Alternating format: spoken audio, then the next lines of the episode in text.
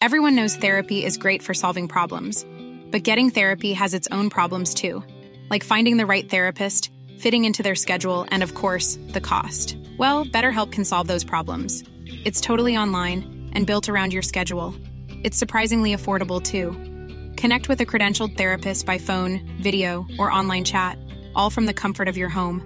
Visit betterhelp.com to learn more and save 10% on your first month. That's BetterHelp H E L P.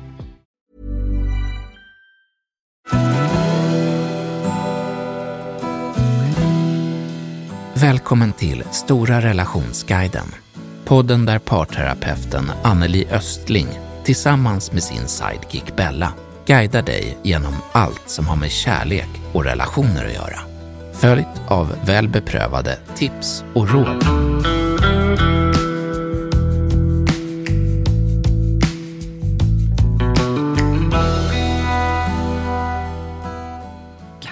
Vara så att du längtar efter att få gå in i en stabil relation trots att förälskelsens rus är så härligt att vara i? Ja, då har du det här med maktkamp att vänta dig som en del av att gå in i en mer stabil relation. Och här behöver man förstå vad man har att vänta sig och hur man behöver hantera just det här. För om man gör det på rätt sätt, då har relationen enorm potential att bli hur bra som helst faktiskt. Men det kan också blåsa hårda stormar på vägen dit. Och viljan kommer behöva finnas att båda jobbar på det. Idag ska vi prata om maktkampen i relationen. Och när jag hör ordet maktkamp så tycker jag faktiskt vid första anblicken inte att det hör hemma med en relation. För min egna föreställning om en relation, det handlar om givande och tagande och om att hitta en fin balans i det. Makt är för mig mer något som hör hemma på arbetsplatser och andra ledande positioner i livet. Men är relationen en del av det? Ja, tydligt är det så. Annars skulle vi inte behöva ta upp det här temat i podden. Och jag ska inte säga att jag själv har fått leva utan det här. Nej, verkligen inte. Här har det faktiskt dragits fram och tillbaka i vår relation i vem saying som står högst i olika frågor och framförallt faktiskt i början av relationen, men även senare. Och det här som vi ska ta upp idag, det skulle vara något alla borde få kunskap om innan man går in i en relation. Man hade säkert besparat sig en massa huvudvärkar på det och även under relationen. Ja, alltså, jag undrar varför är inte det här en del av utbildningen, säger jag inom citationstecken, i att bli vuxen? Jag har hört talas om det här med maktkampen och främst när det gäller konflikter som man fastnar i när ingen ger sig, utan båda vill ha rätt. Men det som vi ska prata om idag är främst fasen som kommer efter förälskelsen, som också brukar kallas då maktkampen. Anneli, kan du beskriva vad som är skillnaden eller likheten här? Ja, du har helt rätt Bella. Båda de här kallas för maktkampen och det kan finnas en tydlig förklaring till vad som är skillnaden här. Och det ska vi försöka förtydliga idag. Och det vi ska prata om idag är fasen efter förälskelsen, där man på riktigt behöver lära känna varann för att också förstå varandra så att man inte ska behöva hamna i och fastna i konflikter som båda försöker att vinna. Det är väldigt lätt att fastna där. Mm. Och båda behöver utmana sig för att våga möta sin partner som förändrats ett helt naturligt steg genom att återgå till att bli mera sig själv igen efter att man helt gått upp i att vara en härlig version av sig själv under förälskelseruset. Mm. Det kan då skapa oro när man helt plötsligt inte känner igen varandra så som man har varit mot varandra under den här härliga perioden. Ja, och det kan man ju förstå såklart. Men då undrar jag ändå, hur skiljer sig de här olika maktkamperna? Ja, maktkampen som du nämnde som benämning på när man grälar och har konflikter där ingen ger sig utan båda stångas för att få rätt. Man fastnar alltså och det leder aldrig till utveckling och att man löser konflikterna tillsammans. Det är en konsekvens av att man inte har ansträngt sig för att förstå varandra och visat varandra viljan att eh, fungera bra tillsammans. Och det är den utmanande ansträngningen man behöver göra efter förälskelsen. Det som vi i det här avsnittet också kallar för maktkampen. Jag förstår om det här kan eh, bli lite rörigt.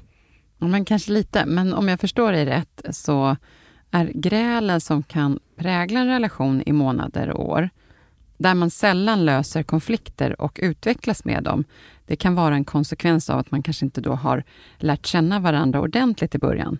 Likt den där beskrivningen som vi ska prata om idag i själva processen, maktkampen med olika faser, som då följer efter förälskelsen och som kan göra att man sen slipper jobbiga gräl och konflikter, utan lär sig att skickligt lösa dem genom att man samarbetar istället. Är det så? Ja, mm. ja precis så. Och blir det här rörigt för er lyssnare så rekommenderar jag att lyssna igen. Och Det handlar om att lära sig så pass mycket om varandra så att man kan undvika eller hantera konflikter på ett bra sätt för att man samarbetar och vet lite mer om hur den andra tänker, vad den behöver och hur den fungerar.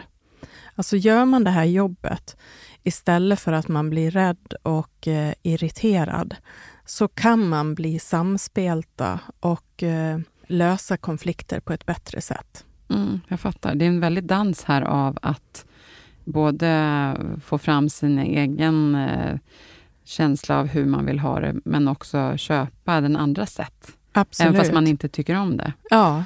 Ja, det är utmanande verkligen. Men betyder det alltså att om man inte har ansträngt sig i att just lära känna, det är det vi mycket fokus på, mm. lära känna varandra efter förälskelsen då, så kan man hamna i att man inte då förstår varandra eller vet då hur man ska lösa konflikterna tillsammans och antingen ger då kanske upp i relationen eller att man hamnar i en rejäl kris kanske som gör att man går så långt att man behöver ta hjälp. Ja. Jag möter många par som just har hamnat där, som ansvarsfullt söker hjälp om man inte kommer vidare, om man fastnar i den här maktkampen. Och därför är dagens avsnitt så viktigt att förstå för att kunna lära sig att hantera det här själv. Och det vill jag också säga att många faktiskt gör. Mm, Okej, okay. ja, mm. jag förstår. Men jag tänker att vi dyker rakt in i den där processen med de olika faserna.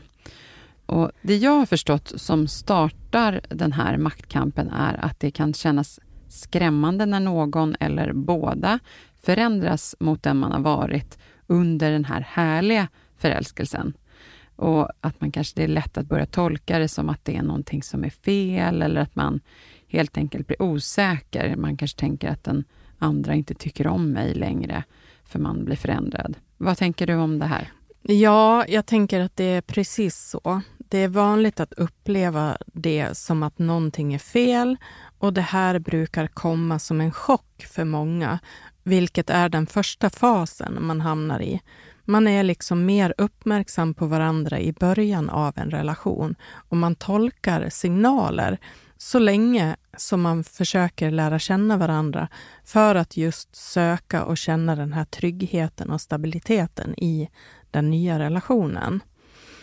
Man är ju lite orolig för att relationen inte ska hålla, eller många kan vara det i alla mm. fall. Det kan finnas sådana här milstolpar, att man tänker att och gud vad skönt, nu har det gått tre månader, det här verkar lovande och nu har det gått sex månader och det här verkar stabilt. Mm. Men det kan vara lite skakigt i den här första perioden, i det som kallas för maktkampen, när man börjar återgå till den man är. Och jag vill också tillägga att det är bra att förstå det här även om man har varit tillsammans länge. Alltså det är bra för alla par att lyssna på för att få en större förståelse för hur det går till i den här fasen när man lär känna varann för att få en slagtålig relation och kan hantera konflikter tillsammans. Och det kan ge, ge en ökad förståelse för att man inte har gjort det här arbetet med att lära känna varandra. Och det kan man ta igen och göra i efterhand. Och det kan till och med fördjupa och ge relationen ny energi, alltså en liten nystart. Mm, ja, men jag förstår. Vad bra att du berättade det sådär också, att just att det är aldrig för sent att investera i det här i relationen, alltså eftersom vi pratar om att det är en så mycket efter förälskelsefasen. Men nu fick jag genast en tanke när, du, när vi pratade om det här, jag pratade med en kollega idag om när man har nya kunder som man jobbar med och man ska lära känna en ny person mm. och man vill ju ha ett gott samarbete, då kan man göra en, liksom som en personanalys så man vet hur man ska jobba ihop på bästa sätt. Och det är egentligen väldigt snarlikt med en relation. Alltså med, man vill ju ha en jättebra, den bästa relationen med sin partner också. Så det gäller ju en personanalys, att man kan ju inte bara föra sin egen eh, agenda framåt, utan man behöver ju kolla in hur den andra funkar på bästa sätt utan gör avkall på sig själv. Liksom. Ja, och här kan jag då förtydliga att när du nämner en arbetssituation också, oavsett om det är en arbetssituation eller om det är i en relation, när man är sändare av ett budskap som man vill ska gå fram, mm. då behöver man ta ansvar för att mottagaren ska vilja ta emot det här. Mm. Och det är egentligen det allt det här handlar om. Bra att, att du säger det. Att Tack. våga lära känna varandra på det sättet så att man kan försäkra sig om att budskapet går fram. Mm. Och i en ny relation, som det här egentligen riktar sig till, det är ju bra att lära sig det här i början, då är det ju viktigt att just förstå hur man ska kommunicera med den andra mm. för att komma vidare och kunna utveckla relationen. Just det. Ja. Men och lite mer konkreta här. Hur ska man tänka eller agera då? Jag tänker att det får de flesta gå igenom. Ja, båda behöver försöka behålla sig själva och inse att förälskelsens rus varar under en begränsad period. Får jag fråga mitt i det? Ja. Ungefär hur lång tid brukar det vara? Ehm, ja, alltså förälskelse ett halvår, det kan vara ett år också. Det, mm. det är väldigt individuellt. Mm. Och bara två månader? Ja, så mm. kan det också vara. Mm. Och vissa har ju väldigt bråttom med att flytta ihop eller man vill försäkra sig om att man har den andra. Mm. Och, och, då kan man ju missa det här helt. Mm. Och det är helt naturligt och sunt för relationen för att den ska utvecklas till någonting mera. Alltså att vi lär känna varandra på riktigt. Men det kan såklart kännas skrämmande och utmanande. Och blir vi rädda och backar här så kan det försvåra det man egentligen vill uppnå, att komma nära varandra. Mm. Alltså när man blir för rädd och osäker i relationen så kan man börja backa lite och då blir hela relationen att kännas osäker. Mm. Fattar det. Mm. Men är det inte många som ändå försöker hålla kvar den här känslan och liksom vill stanna kvar i det härliga där det inte finns problem och båda är följsamma? Jo, det är jättevanligt. Alltså, mm. Mm. Det, det, är så problemfritt i den där tiden när båda har ögon för varandra. Och man vill kanske inte acceptera och se den förändringen. Och man kan till och med gå in i någon form av en förnekelse, vilket är nästa fas då. Att först hamnar man i chock när man märker att en partner börjar visa andra sidor och sen går man in i förnekelse. Man vill helst inte se den här förändringen, utan man ser den som tillfällig och det blir nog snart som vanligt igen och partnern blir den där som jag lärde känna, alltså den man mötte i förälskelsen. Mm. Men fast så kommer det väl inte bli? Är det inte meningen att man ska återgå och bli mer av sig själv igen och kanske inte trippa på tå och anpassa sig till varandra? Alltså man kan ju verkligen bli helt personlighetsförändrad när man blir kär eller förälskad. Ja, du ler lite nu ja, Bella. Det ja, jag ler med du... ett frågetecken. ja, och det har du rätt i. Man kan verkligen bli sådär tossig och eh, nej, det kommer inte att återgå till förälskelsen igen. Och det är meningen att vi ska återgå och bli mer av oss själva igen istället. Båda behöver ha modet och nyfikenheten att mötas på riktigt när den här berusningen har gått över. Och man behöver också nyktra till när det plötsligt kommer en vardag igen, även om man inte vill det. Och det här kan till och med bli frustrerande, att man känner att man blir eh, arg till och med på partnern som plötsligt visar de här nya sidorna. Och eh, man kan bli lite besviken också. Och det handlar ofta om att man blir rädd och osäker på partnern och relationen. Ja, men det kan jag verkligen förstå. Mm. Som en personlighetsförändring. Som du som var så härlig eh, för en månad sedan och nu, nu börjar du liksom... Jag känner inte igen dig längre. Nej, nej, men det kan jag förstå. Särskilt om man också då skulle vara i någon slags ofas när det kommer till det här. Men det måste väl ändå vara väldigt individuellt. Alltså hur man reagerar på det och hur känslig man är på att partnern förändras och hur mycket eller lite den gör det. Vissa kanske inte ens lägger märke till det. Nej, eller? och så är det. Och det kan också vara en del av maktkampen när en person blir ledsen och orolig över en partner som förändras, vilket då kan leda till att den andra kanske reagerar på det och inte förstår sig på den andra. Och då kanske man drar sig undan. Nej men gud, vad är det här nu då? Liksom, mm. Jag som trodde att vi hade det så bra och nu börjar den andra tvivla.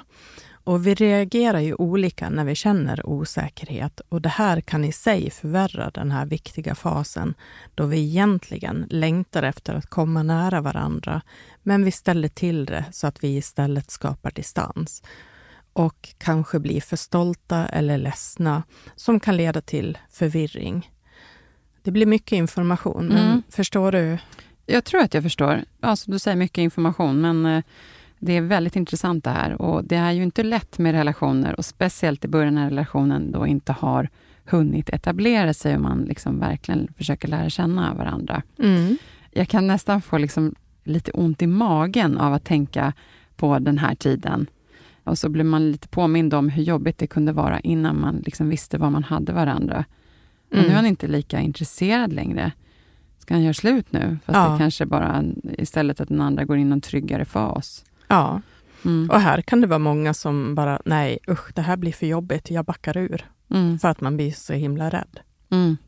Och det är därför det är bra att vi pratar om just det här. För det är som en tid med olika faser som man går igenom, även om man inte är medveten om dem. Och man kan till och med bli lugnare bara av att få veta att det är så här det kan bli i många nya relationer. Eller att man i relationer som har varat länge kan komma på hur man ska hantera det här. Och Det kan såklart kännas trist när förälskelsen har mattats av, men det kan också upplevas som ett behagligt lugn efter en lång överväldigande tid, när det blir lite vardag igen. Och den här normaliserade perioden är helt enkelt nödvändigt för att relationen ska utvecklas. Och det är precis som det ska vara, alltså. Mm. Och båda hade ju ett liv innan man träffades, som man kanske satte lite på paus för att ha mera tid tillsammans under den här tiden. Och det är ju bara sunt att inte tappa bort det livet helt, även om mycket förändras också när man går in i en relation. Ja, verkligen. Mm. Och det är ingen idé att försöka återskapa förälskelsens illusion, för det skulle ändå inte leda någonstans, utan snarare leda två steg tillbaka. Fattar. En stagnation liksom. Ja. ja. Jag tänker bara hela tiden när du pratar att de här två relativt nya personerna för varandra bara behöver prata. Prata och vrida ut och in. Ja, men andra. det vågar man inte alltid. Nej. För man vill inte vara en jobbig, eh, besvärlig Nej, partner. såklart. Men om man hade vetat allt det här. Ja. ja. Man är också um, rädd för att visa sårbarhet ja. och osäkerhet. Ja. Så man kanske bara håller en god min och Mm. Inte våga ställa de där frågorna som man egentligen Nej. skulle vilja.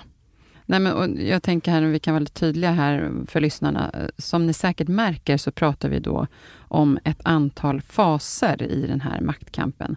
Hur många är det totalt och vad har de för olika rubriceringar? Så man får ett hum om vad vi kommer gå igenom, Anneli? Ja, det är bra att du frågar det. Och Det handlar om sex faser som upplevs mer eller mindre beroende på vilka man är som personer och vilka av dem som man behöver jobba med. Det är då fas 1 som är chock. Nästa fas är förnekelse, när man inte vill se den här förändringen. Och fas 3 kan vara vrede eller att man blir arg över att partnern har förändrats. Och fas 4, där går man in i någon form av en förhandling. Och vi kommer beskriva mer vad det handlar om. Och fas 5 är förtvivlan och fas 6 är acceptans. Ja, men bra. Ja, så då kan man vara lite förberedd på vad det är vi mm. kommer att gå igenom. Och att bli medveten om de här faserna kan ändå vara en tröst eller ett guidande stöd för att förstå det som sker. Bra. Tack mm. för det här förtydligandet. Mm. Det känns supertydligt. Eh, och jag kommer också upprepa de här kan vi säga för lyssnarna i slutet så man får med sig det här en Lite repetition. Repetition, ja, som en sammanfattning som jag brukar göra. Mm. Men så jag tänker att vi går vidare till nästa fas. Vad handlar den om? Ja, det är frustration och vrede och det nämnde jag lite nyss. Det handlar om när chock och rädsla övergår till frustration när man tycker att partnern börjar uppträda annorlunda på ett sätt som man inte förstår eller känner igen. Då kan oro visa sig som frustration och att man blir lite arg. Mm, Okej. Okay. Kan du ta som ett riktigt exempel på vad det skulle kunna vara i en, i en relation? Alltså hur det skulle kunna te sig och vad skulle man behöva göra eller tänka när man märker att det här händer? Mm. Det skulle till exempel kunna vara att en partner helt plötsligt har bokat upp sig med sina vänner kommande lördag för att göra någonting med dem. Efter att man kanske har spenderat alla helger ihop under tre månader. Och i den bästa av världar så är partnern då tydlig med det och säger typ, jag vet att vi har varit tillsammans väldigt mycket de senaste helgerna, men nu fick jag en fråga om jag ville följa med de här kompisarna ut till ett sommarhus och jag vill gärna följa med och hoppas att det är okej okay för dig. Vi kanske kan ses på fredagen i alla fall, om du vill det. Alltså mm. det här kan bli känsligt mm. och kännas som ett avbrott, en förändring som skapar oro. Det kan bli en oro för vissa, medan andra inte alls skulle tänka eller känna så, utan bara supporta det. Ja, men det är klart att du ska vara med kompisarna. Mm.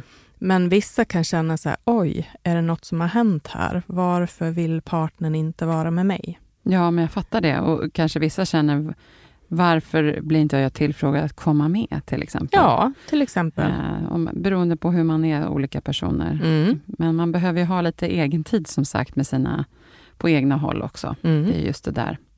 Det är ju här det är så viktigt att man lär känna varandra som personer. Att man ja. får lära känna varandra. Vad man vill och tycker om att göra och vad man har för behov av egen tid och sådär.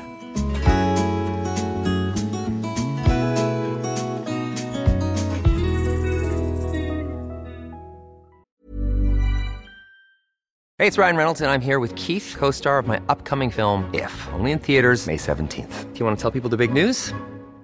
All right, I'll do it. Sign up now and you'll get unlimited for $15 a month in six months of Paramount Plus Essential Plan on us. Mintmobile.com slash switch. Upfront payment of $45 equivalent to $15 per month. Unlimited over 40 gigabytes per month. Face lower speeds. Videos at 480p. Active Mint customers by 531.24 get six months of Paramount Plus Essential Plan. Auto renews after six months. Offer ends May 31st, 2024. Separate Paramount Plus registration required. Terms and conditions apply if rated PG. Everyone knows therapy is great for solving problems.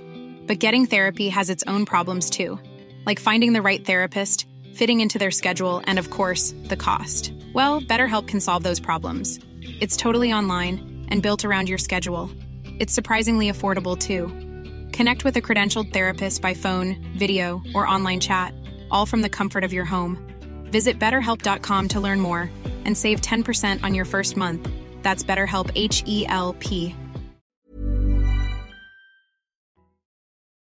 Jag tänker att vi tar oss vidare. Vad händer när man kommit till det här stadiet att man är frustrerad över sin partners nya sidor som man inte vet hur man ska hantera? Eller att man bara måste ta tag i sina frågor man inte har vågat ställa tidigare kanske. Jag kan ta exempelvis att man kanske inte alls gillar att ens partner då har en god relation till sitt ex fortfarande kanske. Mm. Eller att man kanske inte blivit presenterad för vänner och familj, medan man själv kanske tycker att det verkligen är på tiden. Vad är det för fas och vad kan hända där?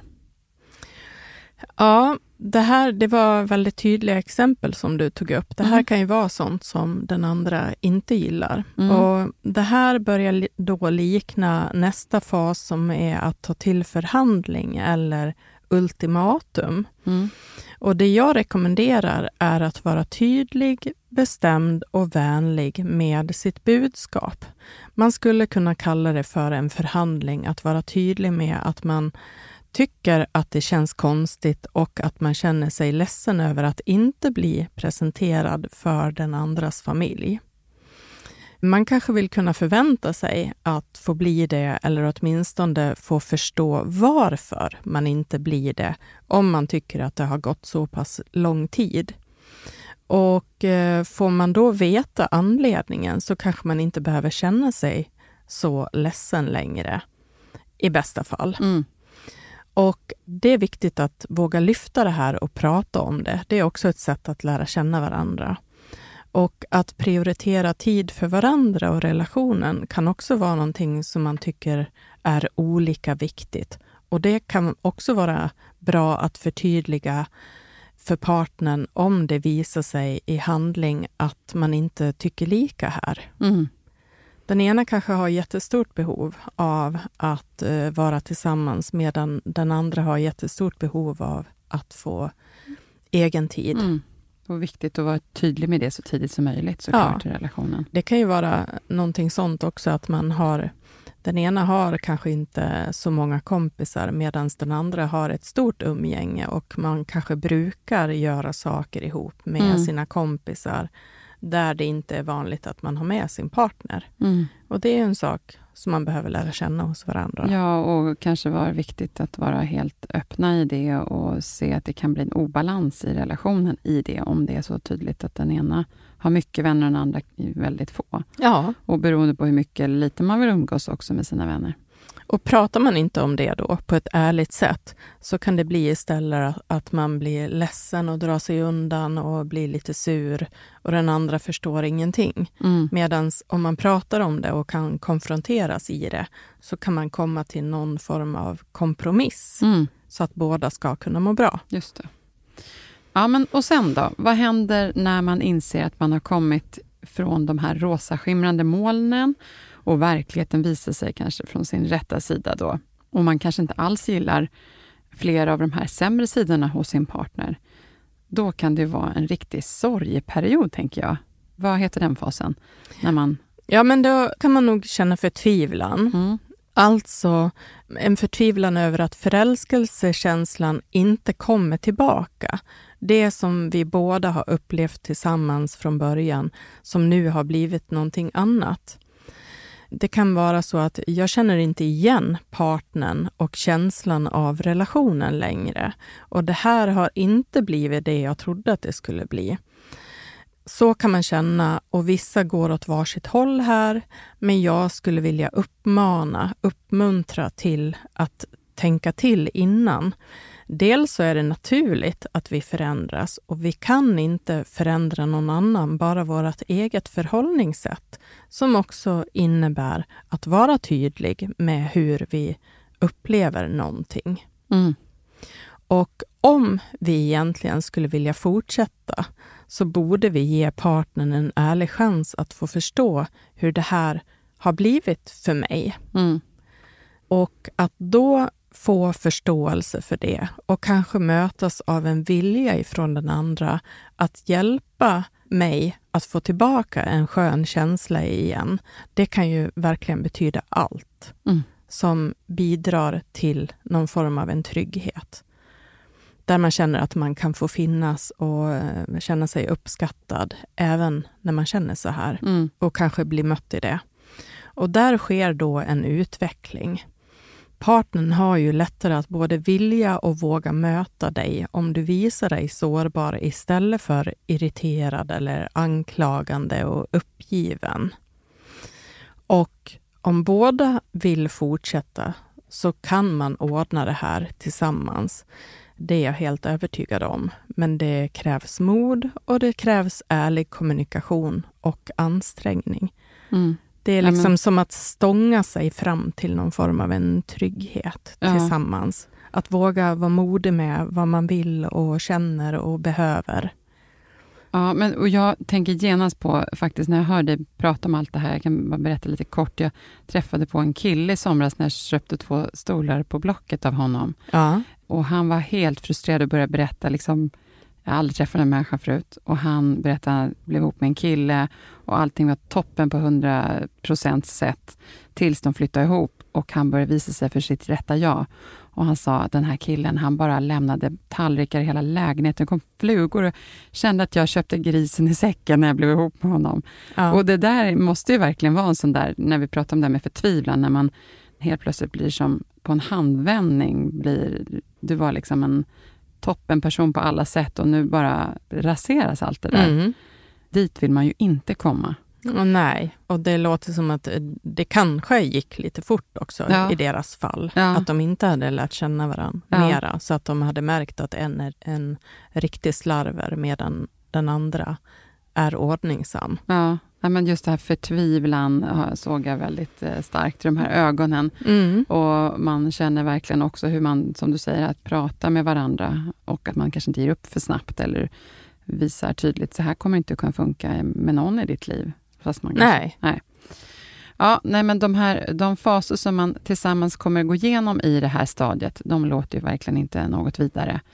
Men det är ju säkert otroligt utvecklande och givande, kan jag tänka mig att många tänker med mig. Ja, absolut och nödvändigt. Men jag håller med dig Bella och vi har en till fas kvar och det är ju acceptans. Oh, Spännande. Mm. Berätta mer, för mm. det här är väl nyckeln till att få en hållbar relation? Kan Absolut. Och det här är ju sista fasen då. För att ni ska förstå vad som händer och sen utvecklas tillsammans krävs en medvetenhet, en vilja till reflektion och nyfikenhet och framför allt en envishet i att få relationen att fungera. Och det är lätt att övermannas av oro, men genom att förstå vad syftet med de här faserna är så blir det lättare att se meningen och fördelarna med dem. Och det är helt enkelt den enda möjligheten att fördjupa relationen, att mm. våga vara i de här faserna istället för att skjuta ut sig själv eller fly ifrån det.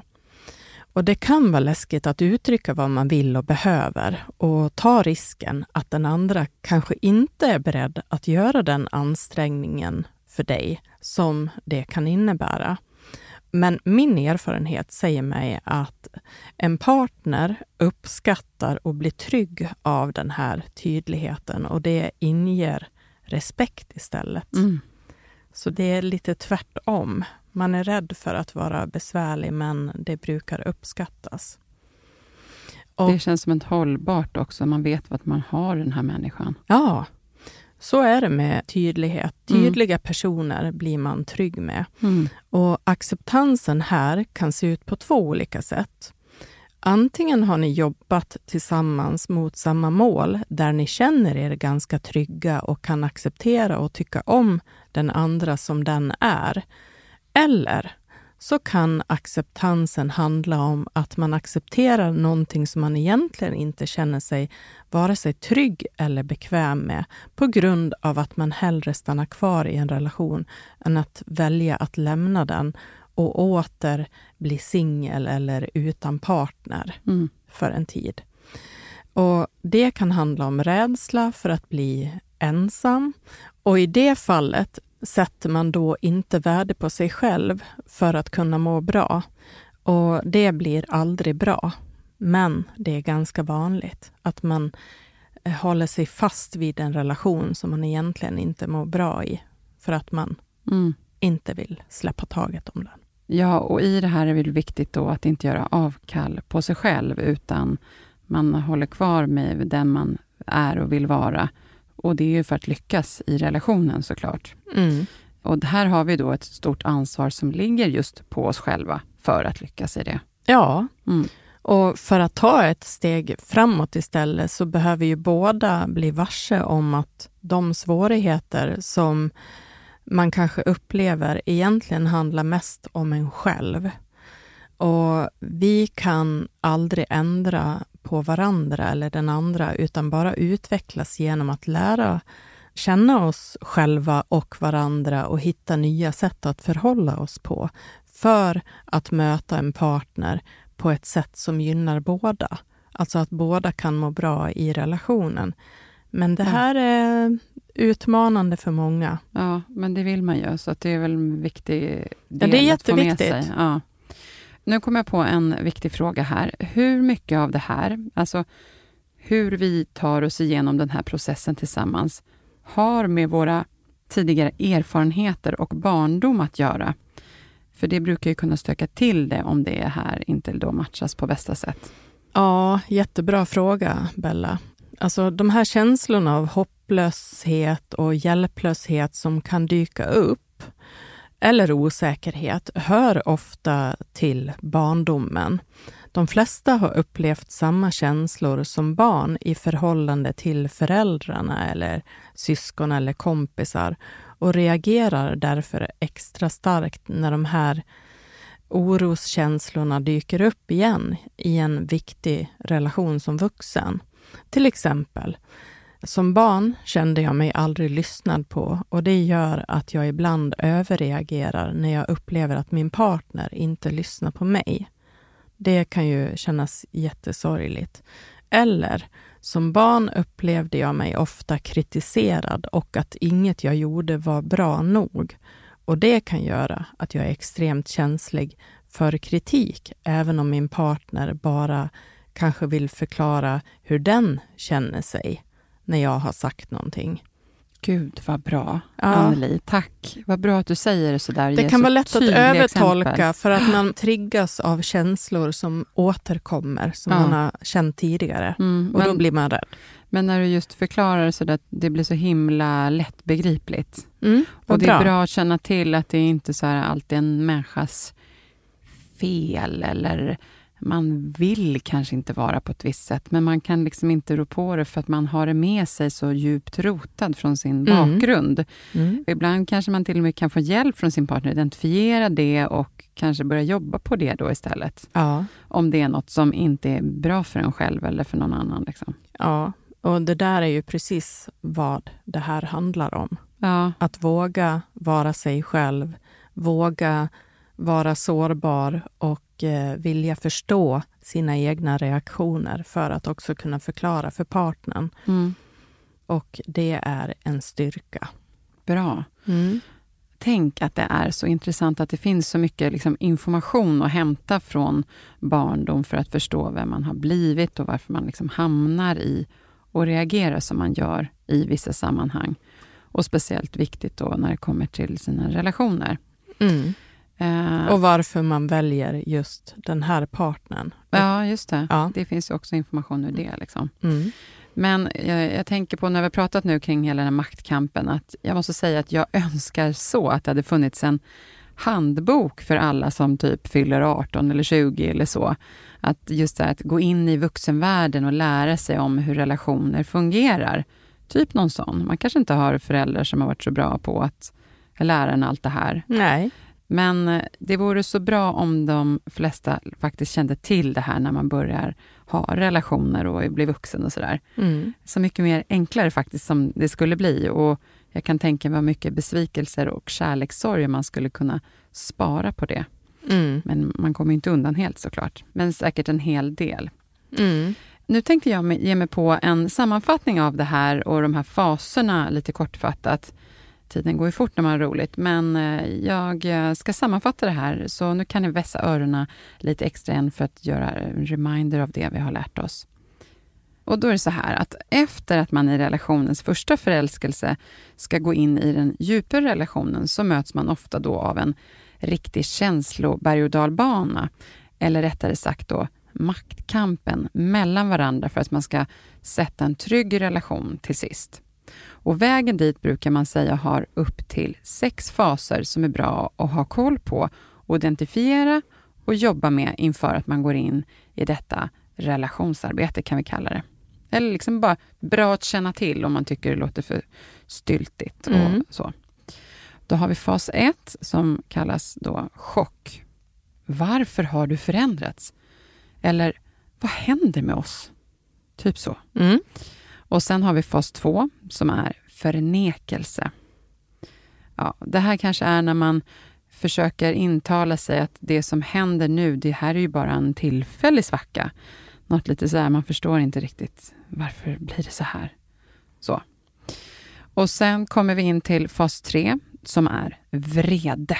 Här kommer då riktiga känslor igen. Hur kan du vara så här mot mig? Eller varför är du så förändrad?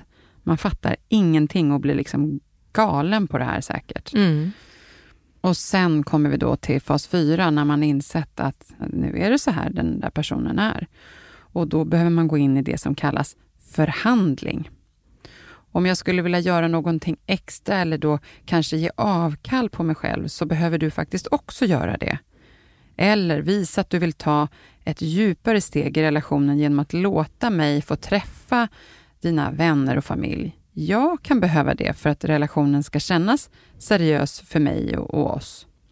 Alltså, prioritera mig och relationen, så ger jag mig av mig själv också. Man liksom håller på och förhandlar här. Mm. Och om inte det känns bättre och förälskelsen inte kommer tillbaka, så inträder då den femte fasen, om man då kommer hit. Och den är fas 5 då som kallas för tvivlan. Och här kanske det är så här känslorna är. Nej, det är kanske lika bra att ge upp. Du visar ju bara bra sidor i början och nu finns den faktiskt inte kvar alls. Vad, vem är du? Och om det inte händer något där, ja, om den mottagaren inte förstår och tar in och förändrar och så, då kan det bli ännu svårare att hantera den sjätte och sista fasen. Och Det är fas nummer sex som vi kallar då acceptans. Och Det är då man måste välja att faktiskt gilla läget och acceptera den andra. Det är många som väljer att acceptera att vara i en otrygg relation där man bråkar mycket om vem som har rätt eller fel och så vidare. Men det är ju faktiskt guld värt om man har jobbat på att förstå varandra och kan ge och ta här. Och, och man kanske liksom accepterar den andra, men man måste också inse att den andra accepterar dig för att den du är. Men just kärleken till varandra kan ju ändå göra att fördelarna med den andra överväger det dåliga och att man då accepterar saker som kanske inte har så stor betydelse egentligen. Nej, det där är viktigt. Och det du sa innan, att man accepterar att vara i en otrygg relation, mm. Där det blir mycket bråk och tjafs. Det är ju när man inte har riktigt gjort jobbet tidigare, där man fastnar lätt i den här maktkampen som där det mera övergår till att man är i maktkamp i gräl, där ingen ger sig. Mm. För att man håller på och söker den andras uppmärksamhet eller kärlek eller förståelse och, och det blir mer av en kamp mm. än ett kärleksbudskap. Just det. Mm. Mm. Nej, det är jättebra att känna till, verkligen. Mm. Bra summering, Bella. Tack. Och, men då kan vi säga att det var allt för nu. Mm. Och vi hoppas att ni har tagit in och lärt er en hel del här idag. Så att vi ska avsluta, men först ska jag berätta om kommande avsnitt som vi tror kommer att beröra många och eh, det kommer kännas när man lyssnar på det här. Men dock då så givande. Och Anneli, du har ju under åren fördjupat dig mycket i då otrohet och svek. Och Vi ska då ha ett tema på det här med hela tre olika avsnitt kring det här ämnet. Ja, mm. och jag får ständigt frågor om det här ämnet och tror att det är bra att vi pratar om det här i podden. Mm. Även om man inte har drabbats så kan man vara rädd för att eh, bli det och man kan vara osäker på vart gränserna går för otrohet eller svek. Så det kan vara bra att tänka till och ett förtydligande kan skapa större medvetenhet som gör att man själv till och med kan vara med och vara mer tydlig med var man står i de här frågorna och till och med hjälpa till att förebygga att det inte ska ske. Och eh, det kommer att sändas tre avsnitt, men inte efter varandra. Vi blandar upp med andra viktiga avsnitt emellan. Ja, men det är bra att du eh, noterar det, så man känner till det. Mm. Ja, och jag tänker också med tanke på hur faktiskt många lyssnarfrågor som vi får om otrohet och svek, så förstår man att det finns faktiskt ett stort behov av att få information om det här. Ja, så det ska vi ge. Det är Mm. jättebra, Anneli. Ja. Då säger vi tack för idag och tack till alla våra lyssnare där ute och till Jens som är vår producent och klippare från Stray Dog Studios. Och Anneli, så himla värdefullt att få ta del av dina råd och all din kunskap. Den här maktkampen var ju jättebra att få veta mer om. Mm. Vi hörs nästa vecka igen. Ja, det gör vi.